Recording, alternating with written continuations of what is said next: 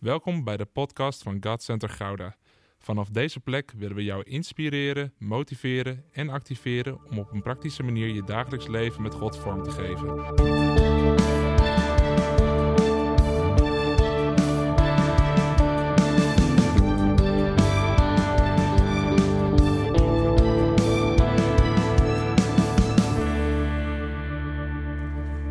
Het was gisteravond, was het nogal gebulder.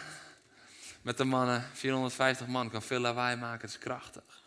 En gisterochtend ook eh, vanuit het leven van Elia, echt prachtige lessen eh, mogen delen. En ehm, het contrast is dan groot dat we van, van, van die grote herrie, dat we mogen gaan kijken naar de Heer is mijn herder. En dan kennen we allemaal waarschijnlijk die psalm. De Heer is mijn herder, mij ontbreekt niets. En daarna?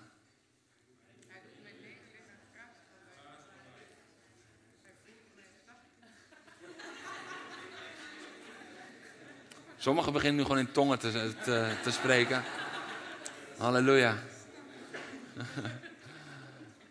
Als je vervuld wil worden en in tongen wil spreken, probeer het Psalm 23 te quoten nu.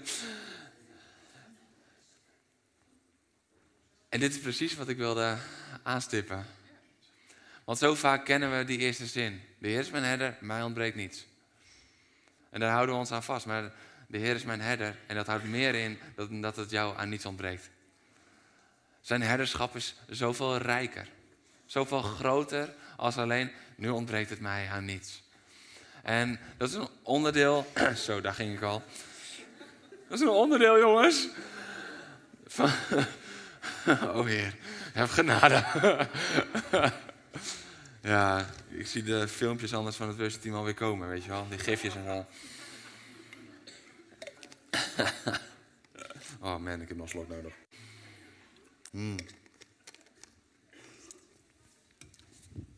Maar hij is onze herder. Nou, je kan ondertussen alvast Psalm 23 opzoeken, maar ik weet nog heel goed dat. dat. Oh, halleluja. We gaan ervoor vandaag. We gaan ervoor vandaag. Ik weet nog heel goed dat um, wij negen jaar geleden naar uh, Italië gingen. En ik heb, ik heb deze anekdote uh, al een keertje eerder verteld. Maar toen was de helft van jullie hier nog niet. Dus ik weet, deze kan ik gewoon nog een keer vertellen. En op het gegeven moment, we hadden een overnachting uh, gehad. Want we reden met een karretje achter de auto. En Boas, die was een aantal maanden. En we gingen voor het eerst naar Italië. En we hadden een overnachting gehad. En de volgende ochtend hoefden we nog maar 300 kilometer. Maar wat was het nou? Dat duurde 9 uur. Volgens de TomTom. Ja, dat was TomTom nog. Ja, nou ja, dat leg ik een andere keer wel uit. Maar TomTom, onthoud dat, google het. En, en ik, was, ik was gefrustreerd. Ik dacht, ja nee, dit kan nooit 9 uur duren. 300 kilometer. 300 kilometer, kan niet. En, en ik, s'avonds in dat hotel, iedere keer proberen dat anders. Ik, kijken van, oké, nog een keertje, route eruit, route weer aan. Nee, weer. 9 uur, 300 kilometer. En zo ging dat door en op het gegeven moment, ik had het gewoon de moed opgegeven. Dus we stapten s ochtends de auto in en ik zei, nou schat, het gaat gewoon een lange dag worden. Maar dit is het gewoon. en we begonnen te rijden. Maar die route, die leidde ons naar steeds smallere bergweggetjes. Met een karretje achter de auto, voor het eerst. is gewoon niet chill. Weet je wel, ik vind mezelf best wel een stoere guy, maar... Toen niet. Waarom lachen er nu te veel mensen zo? Hé, hey, goos. Heb je nou echt die illusie? ja, ja, ja, ja. Ik voelde me gisteravond stoerder met 450 mannen. Laten we het daarop houden.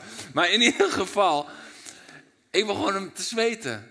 Want ik weet, ik ben niet een held met hoogtes. En het werd steeds smaller en, noem maar op. En toen dacht ik, hoe kan die Tom ons nou hier langs?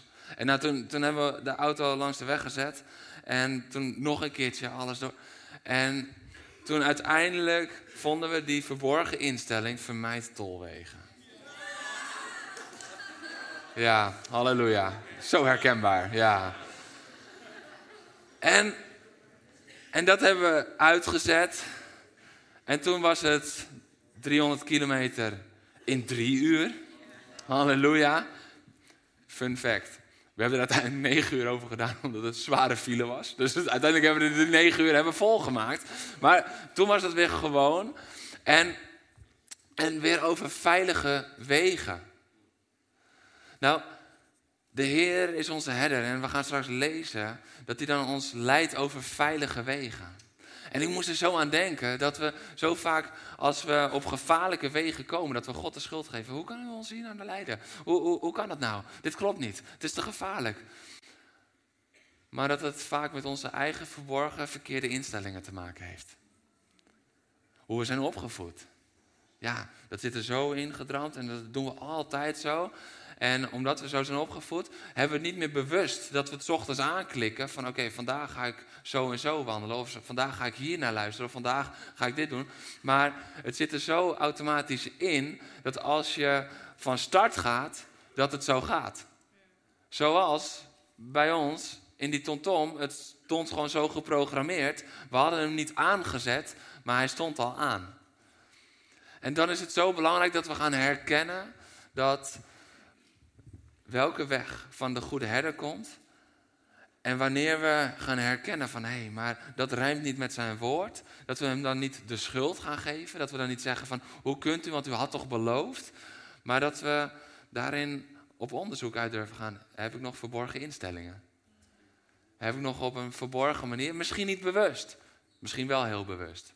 Als jij bewust een muur bent gaan bouwen om je hart, omdat je mensen niet meer wil vertrouwen door dingen die je zijn aangedaan, dan kan het heel goed zijn dat je heel bewust mensen op afstand houdt. En ondertussen je heel eenzaam voelt. Maar Heer, u zou me toch leiden met de kudde. En ik zou toch niet meer alleen zijn.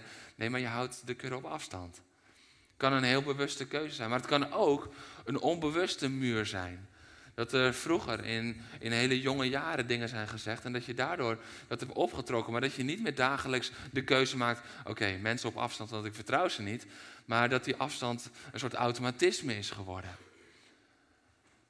En de Heer is mijn herder. Wil je daarin helpen?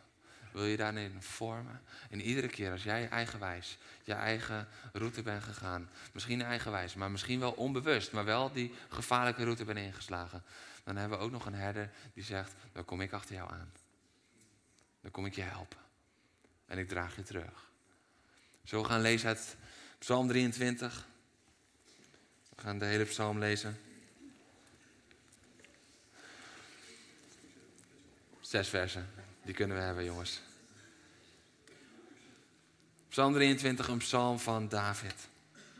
Een doorleefde psalm van David. De Heer is mijn herder, het ontbreekt mij aan niets. Hij laat mij rusten in groene weiden. Hij voert mij naar vredig water. Hij geeft mij nieuwe kracht. En leidt mij langs veilige paden tot eer van zijn naam. Blijft die wel eens hangen bij je, tot eer van zijn naam? Psalm 23 gaat niet alleen over ons, maar tot eer van zijn naam. Dat is mooi, hè? Al gaat mijn weg door een donker dal, ik vrees geen gevaar, want u bent bij mij. Uw stok en uw staf, ze geven mij moed. In de grond, ze vertroosten mij.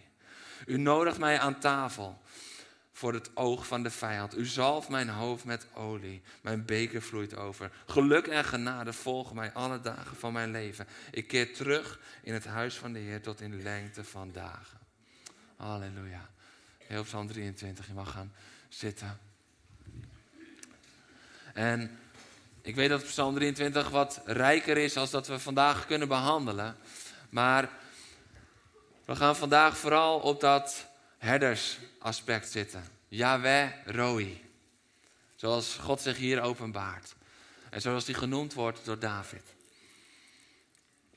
Yahweh Roi. Anderen zeggen ook wel Roy. Yahweh Roy. En dat is de naam, de Heer is mijn herder.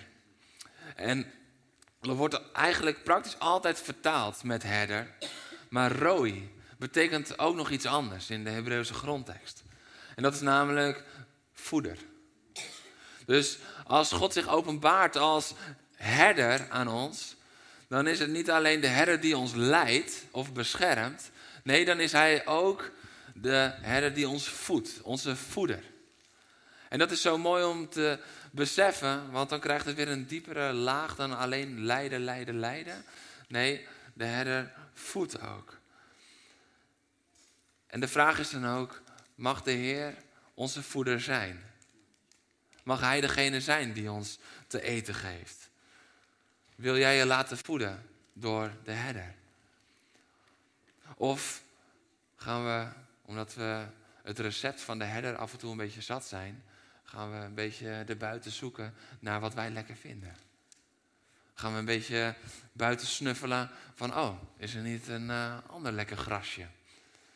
De grassoort van de herder, maar misschien is daar buiten wel een andere, een wilde grassoort. Want dan denken we dat in wilde dingen, dat daar mooie dingen zijn te vinden. Maar uiteindelijk is de grassoort zo wild dat je erin verstrikt raakt. En moet de herder je komen halen. Maar mag hij je te eten geven? Mag hij je dieet bepalen? Mag God jouw dieet bepalen? Mag hij bepalen wat gezond is voor je? Hoe je stabiel wordt? Hoe je sterk kan worden? In plaats van dat we zelf denken dat we dan precies moeten weten wat we tot ons moeten nemen, maar mogen we zijn dieet gaan volgen. Ik moest denken aan als je een diëtist in de arm neemt, of een voedingsconsulent, of uh, noem een van die beroepen van mensen die je helpen rondom eetpatronen, voedingspatronen, dan helpen ze jou om je voedingspatroon aan te passen. En diegene die leidt je dan naar de goede voeding. Dus die maakt een plan. En diegene doet dat dan ook nog uh, op maat. En die weet wat goede patronen, goede voeding is. En je kan soms zelfs een boodschappenlijst krijgen. Van, dan, dan is dit gewoon de boodschappenlijst. Dit moet je gaan halen. En dan heb je hier het weekmenu. En dan ga je dit mee maken. Maar als er op de boodschappenlijst staat appels. En jij denkt, in appeltaart zitten appels.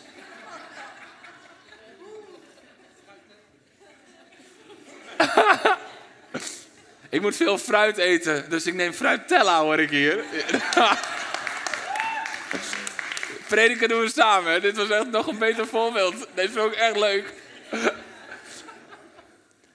Dan moet je niet na vier maanden naar die voedingsconsulent gaan en zeggen: je plannen werken niet. Wat een waardeloos plan heb je geschreven. Waarom leid je mij niet naar gezondheid? Want je bent er zelf van afgeweken. Als jij denkt, kwark of slagroomijs, het is allebei wit en koud, het kan wel. dan ga je niet het effect hebben dat je hebt als je wel die kwark koopt. Dus je wordt met een verantwoording de juiste weien ingestuurd. Dat is de Heer is mijn herder, de Heer is mijn voeder. Hij reikt het je aan, het juiste voedsel, maar dan moet je wel gaan grazen op de plek waar Hij je leidt. Dus als Hij je leidt Gods woord in, dan moet je wel gaan grazen hier en niet op je laptop.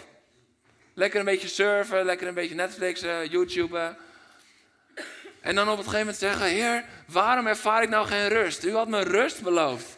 Ja, ik had je rust beloofd vanuit deze voeding. Maar niet vanuit datgene wat onrust zaait in je leven. Dus het is zo essentieel dat we gaan zien: Hij is onze voeder. Maar we moeten het dan wel aannemen en we moeten ons dan bij dat voedingspatroon dat Hij ons wil aanleren, moeten we het bij houden om het effect te krijgen wat hij voor ogen heeft. Hij laat me rusten in groene weiden. Moet je wel naar die groene weiden meegaan. Hij voert me naar vredig water. Dus als je rust en vrede verlangt, moet je wel naar zijn weiden en zijn water gaan. Vredig water is belangrijk voor een schaap.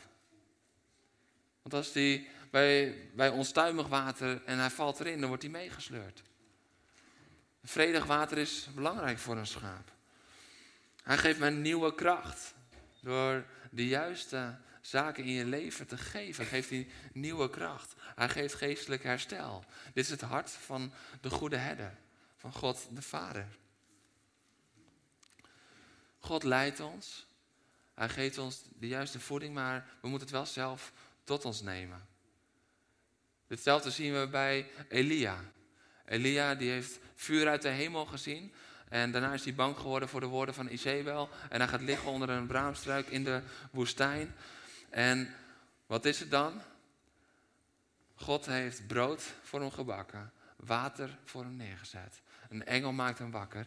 En wat moet Elia dan doen? Die moet het tot zich nemen.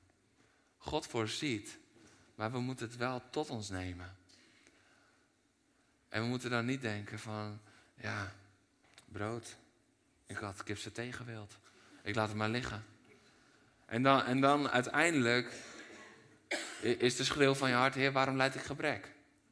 Nou, omdat je niet tot je neemt wat de herder je geeft en op zoek gaat naar datgene wat niet goed voor je is. Dus hij wil je leiden naar gezonde patronen. Jezus liet het brood en de wijn rondgaan. Hij stopt het niet in je mond. Hij ging niet rond de tafel en hij propte het in de monden van de discipelen. Nee, hij brak het. Hij deed zijn deel en zij moest het rondgaan en zij moest het tot zich nemen. Het brood eten en de slok wijn nemen. Dat was ontzettend belangrijk. En het is essentieel dat we dit beseffen, omdat we anders kunnen we gaan, ja, bijna God gaan veroordelen op wat Hij wel geeft, maar wat we niet zien gebeuren, omdat we ervan afwijken. Mega essentieel. En weet je wat ik dan zo mooi vind? Dat in Johannes 10 openbaart Jezus zich ook als de goede herder. Dus God is onze herder, Psalm 23, maar in Johannes 10 laat Jezus zien van, hé, hey, en dat vertegenwoordig ik ook. Zoals we iedere keer zien in het woord van God. Dat hoe God zich openbaart, dat Jezus dat ook laat zien. En dan zegt hij in Johannes 10, en ik ken mijn schapen. En dat vind ik zo mooi. Want als we het dan hebben over ik ken mijn schapen, dan heel vaak blijven we bij het platgeslagen, want erachter staat en zij kennen mijn stem. Van ja, oké, hij kent ons bij naam. Of hij weet wie we zijn. Hij kent iedereen over de kudde. Hij ziet niemand over het hoofd. En dat, dat is allemaal mooi en dat is ook allemaal waar. Maar als hij het heeft over ik ken mijn schapen, dan gaat het dieper als alleen jou bij naam kennen. Ik ben blij dat Petra me niet alleen bij naam kent. Dat zou een oppervlakkig huwelijk zijn. Dat als iemand vraagt van, hé, wat vindt Jeroen nou echt mooi? Dat ze zegt, um, zijn naam, want die ken ik. Ja, verder weet niet precies wat hij nodig heeft. Dat zou toch raar zijn? Maar dat is vaak wel hoe we God nog als de goede herder uh, benaderen. En Jezus ook als herder benaderen. Hij kent mij bij naam. Nou, dat is inderdaad waar. Maar hij kent jou. Hij doorgrondt jou. Hij weet wat jij nodig hebt. En dat is zo mooi aan de herder. Hij weet per schaap wat je nodig hebt. Dus daarin ook. Net als dat een goede diëtist niet zegt van oké, dit is mijn plan en dat is voor iedereen. Want dat werkt niet. Want het startpunt van iedereen is anders. En de omstandigheden zijn anders. En de lichamen zitten anders in elkaar. Dus dan, dan mis je het. Nee, maar een goede diëtist die gaat dan dat gesprek aan. En die gaat dan van, oké, ik ga dit analyseren en dan weet ik, oké, diegene heeft dat nodig. Hé, hey, dat is grappig, want die ander zou dat nodig hebben, maar jij hebt dit nodig. En zo is God ook. Want ik ken mijn schapen, zegt de goede herder. Hij weet wat jij nodig hebt. En daarom is het ook zo mooi dat in een samenkomst als deze, dat er één boodschap vanaf het podium kan komen en dat het voor de ene in die eerste minuut raakt en precies is wat diegene nodig heeft. En de andere misschien in minuut 37 en de andere na minuut 90 preken en de andere na minuut 214 en de andere heeft het in de worship. En voor een ander is het weer gewoon die knuffel die je hebt gekregen bij de deur. De Heer weet wat je nodig hebt. Voor de ander is het de veiligheid die de kinderen vinden. Dat eindelijk een veilige plek. Dat dat balsem is voor je hart. Er is voor Iedereen zoveel verschillend en toch wil God dat allemaal samenbrengen en mogen dat met elkaar beleven. Hoe mooi is dat? Maar dat we hier zo met elkaar zijn, betekent niet dat God ons altijd benadert als: hé, hey, hier is mijn volk en ik doe dit voor mijn volk. Nee, hier is mijn volk en ik doe dit voor jou. En ik heb jou op het oog en jou en jou en jou en jou. Ik heb jullie op het oog. En dat is zo krachtig als we dat beseffen. Dat is de liefde van de herder. Als je nog twijfelt, ben ik waardevol? Luister naar deze woorden van God. Ik ken jou. En ik neem de moeite om in die mega grote kudde wereldwijd jou op het oog te hebben. Om jou niet alleen bij naam te kennen van, ja, dat is Henkie. Maar nee, Henkie heeft ook dit nodig. En daarom doe ik dit in zijn leven. Dit is de liefde van God. De liefde die zo, zo, zo diep gaat. Die nog veel verder gaat dan dat wij beseffen zo vaak en waar we uit leven zo vaak. Dat is het. Oké, ik ken je bij naam. En ik weet dat diepe stukje in je hart. Wat anderen niet hebben gezien. Wat je nog niet durft te tonen. Maar ik weet het. Dus ik ga stap voor stap. Ga ik je helpen. Stap voor stap breng ik heling. Stap voor stap breng ik genezing. Stap voor stap verbind ik je wonden. En ik ben met je. Dit is God. Dit is de goede herder. El Roy. Yahweh Roy. En wat zo mooi is, is dan dat we daarin in vers 2 en 3 ook lezen wat we daarin ontvangen van Hem. Als Hij ons echt mag wijden, als Hij onze herder mag zijn, dan laat Hij mij rusten in groene weiden. Hij voert mij naar vredig water en Hij geeft mij nieuwe kracht. Later in de psalm lezen we dus ook dat het niet altijd, altijd maar makkelijk is. Maar wat zo mooi is, Hij voert mij en Hij leidt mij. Dat is wat er staat. En soms gaan onze wegen door donkere dalen, maar dat is nooit de eindbestemming. Als we zo rustig die psalm lezen, dan komen we achter de diepere essentie van het hart van God. Het is niet van, oké, zo'n dal kan nooit een eindbestemming zijn. Zo, zo, die donkerheid kan nooit de eindbestemming zijn. Nee, want waar leidt hij je naartoe? Hij laat mij rusten in groene weiden. Hij voert me naar vredig water, geeft me nieuwe kracht. En hij leidt mij langs veilige paden tot eer van zijn naam. Je vindt dus rust, vrede en herstel in de aanwezigheid van de herder. Rust, vrede en herstel. En weet je wat ik daarin zo mooi vind? Dat waar de herder is, is de kudde. Je vindt rust, vrede en herstel door te zijn in de kudde. Denk niet dat je dat alleen moet doen. Denk niet, oké, dat is iets wat ik helemaal in mijn eentje moet doorgaan. Nee, God wijst hier op zijn herderschap en de kudde. God gaat niet als herder met ons allemaal één voor één op stap. Even die uitlaten, laten grazen en weer terug. En dan de volgende, en dan weer terug en de volgende en dan weer terug. Dat is geen herderschap. De herder leidt de hele kudde. En de problemen komen ook pas als een schaap zich afzondert van de kudde.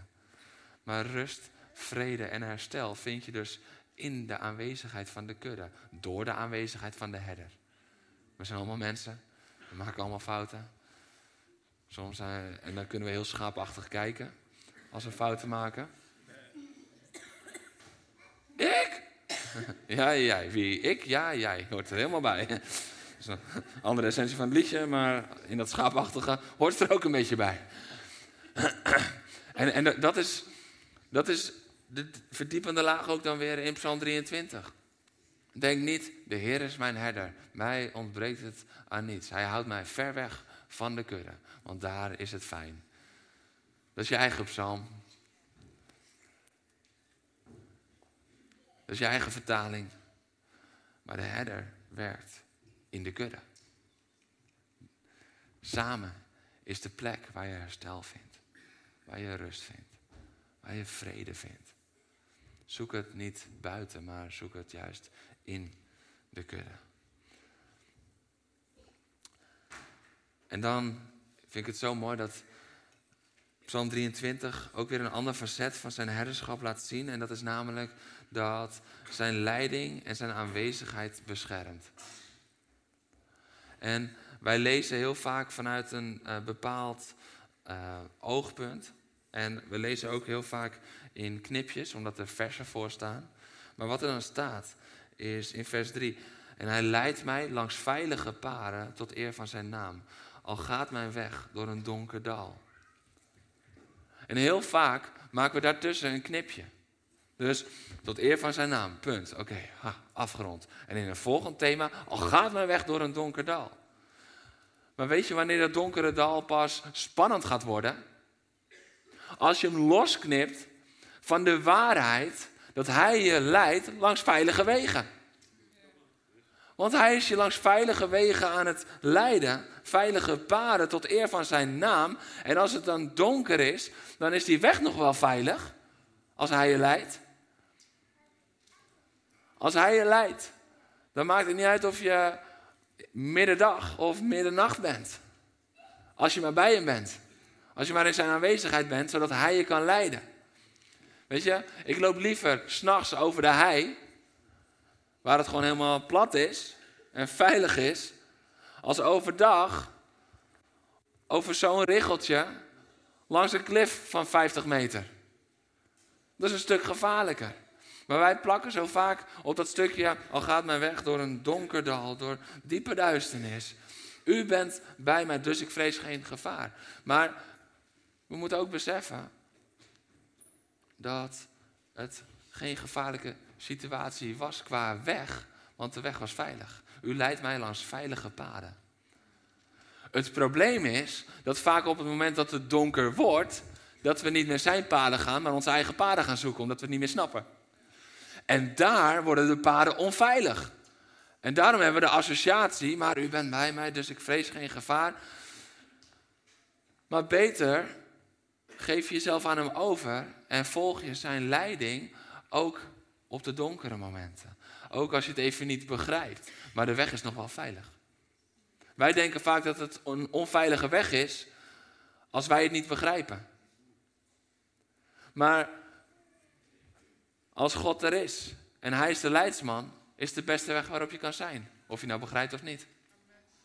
En jouw begrijpen bepaalt dan niet de veiligheid van de paden die je gaat, maar zijn aanwezigheid, zijn leiding.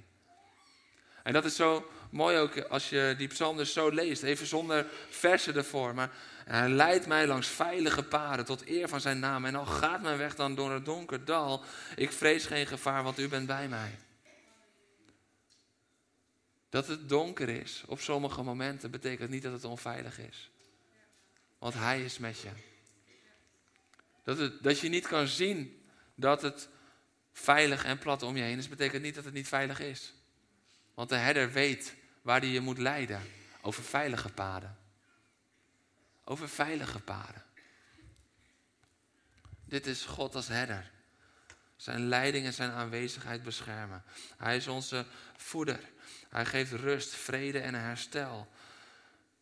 Hij beschermt ons. Maar het is tijd dat we ook in de donkere momenten zijn paden durven blijven wandelen. Omdat we vertrouwen dat ze veilig zijn. Omdat we erop vertrouwen, Heer, als u mij leidt, dan leidt u mij langs die veilige paden tot eer van uw naam. Ik ga gewoon door. Ik ga gewoon door. En wist je dat de plek van een donker dal, zeker in het heuvelachtige landschap van Israël, dat de plek van een donker dal altijd dichtbij was bij de meest vruchtbare grond? Ben je op een plek waar het donker is? Verheug je. Ik zie geen hand voor ogen op dit moment, maar God is met mij en Hij leidt mij. Ik verheug me. Ik snap het nu zelf even niet. Op eigen inzicht kan ik niet meer. Ik verheug me.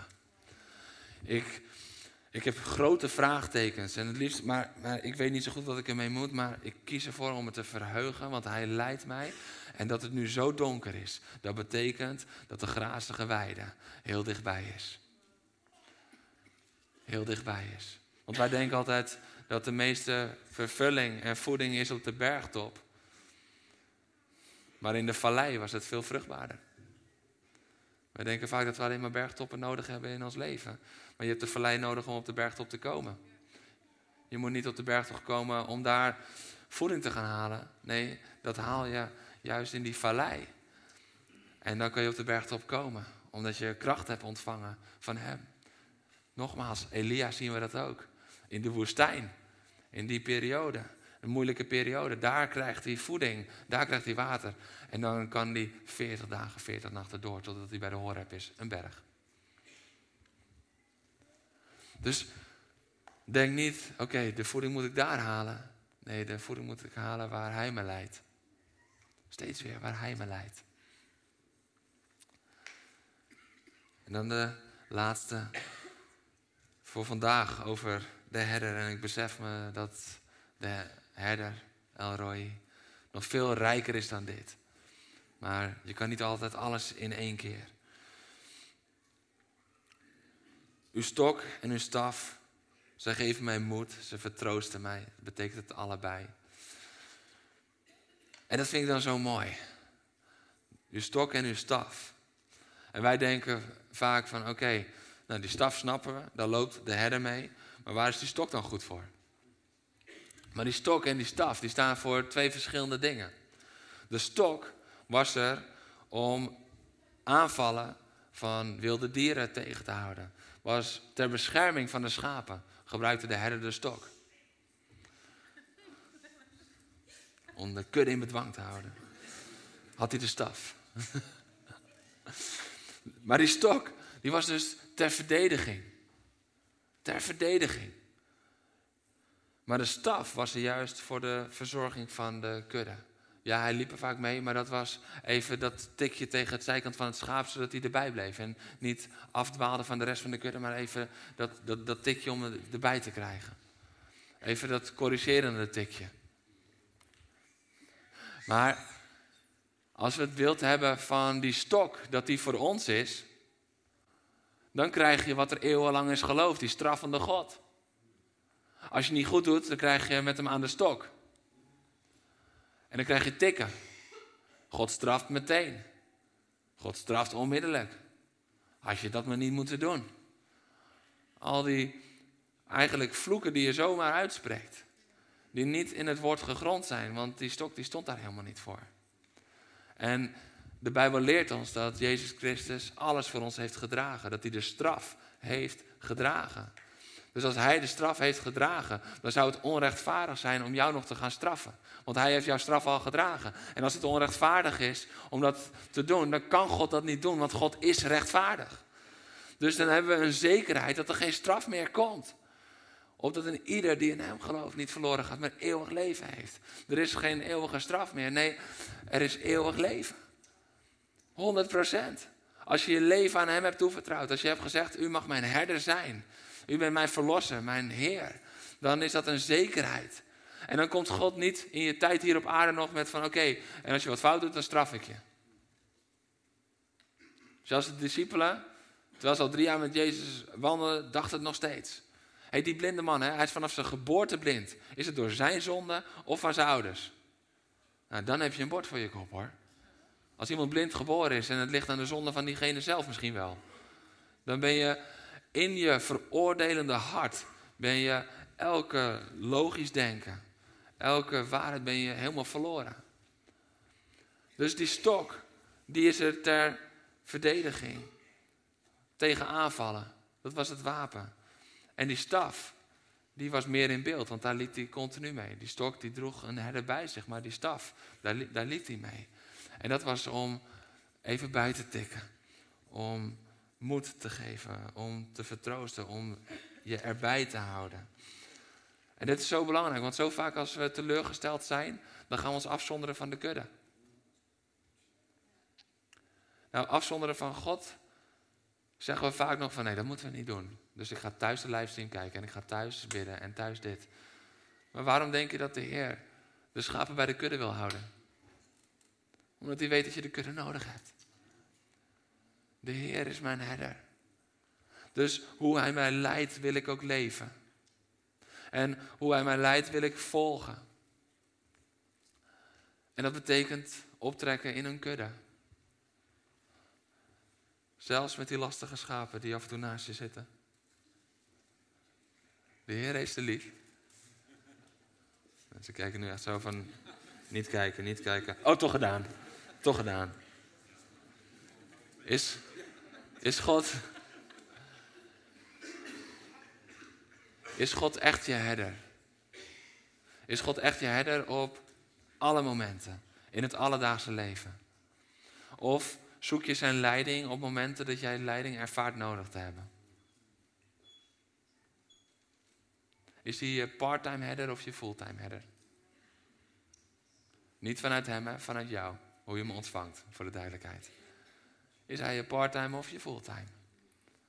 Hecht je altijd waarde aan zijn leiding of alleen op het moment dat jij denkt, nu heb ik leiding nodig?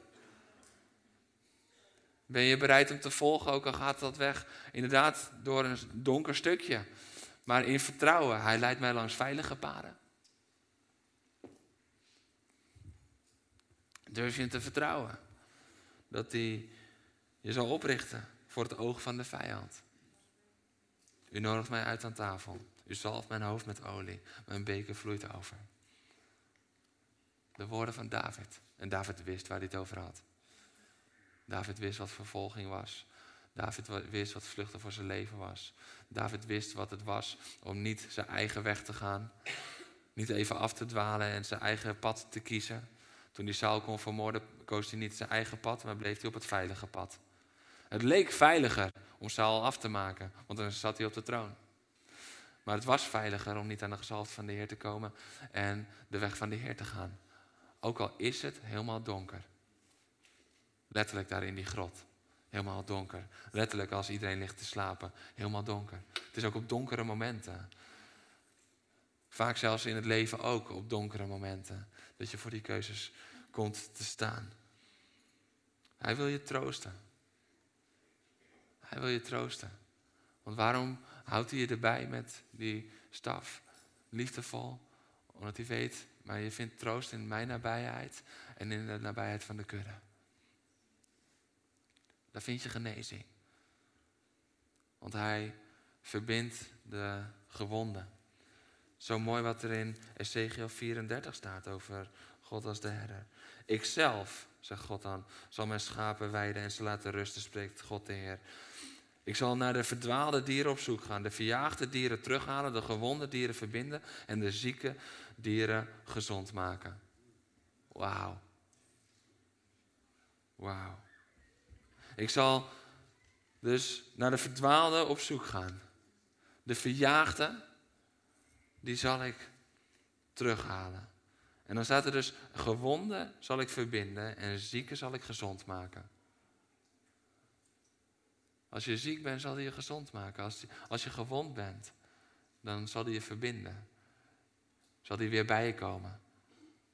En als het ware dat verband eraf halen, je wond schoonmaken en opnieuw verbinden. Dat is wat je doet als je de wonden verbindt van iemand. Je houdt het ook schoon. Je zorgt dat er geen nieuw vuil in kan komen. Dat is de goede herder. En ik weet niet hoe jij hier zit, met welke pijn, welke verwonding. Misschien voel je je wel verdwaald, verjaagd, gewond of ziek. Maar dit is de goede herder. Die zegt, ik ben voor alle vier gekomen. Ik ben voor allemaal gekomen. Ik laat je niet alleen. Ik kom jou opzoeken. Zoals Jezus ook in Matthäus uitlegt. Hij laat de anderen laat die tijdelijk achter om jou op te zoeken, want jij bent belangrijk. Jij doet het toe. Je bent van waarde. Je bent onmisbaar.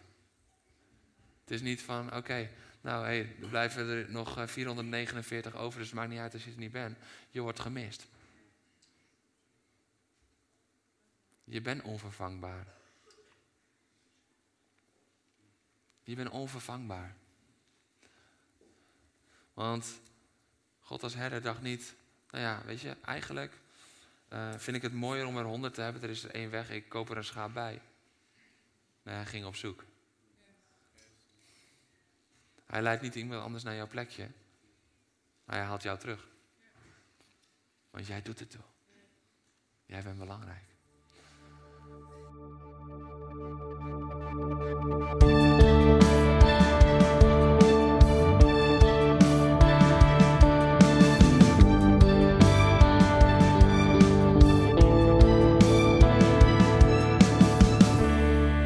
Bedankt voor het luisteren naar deze podcast.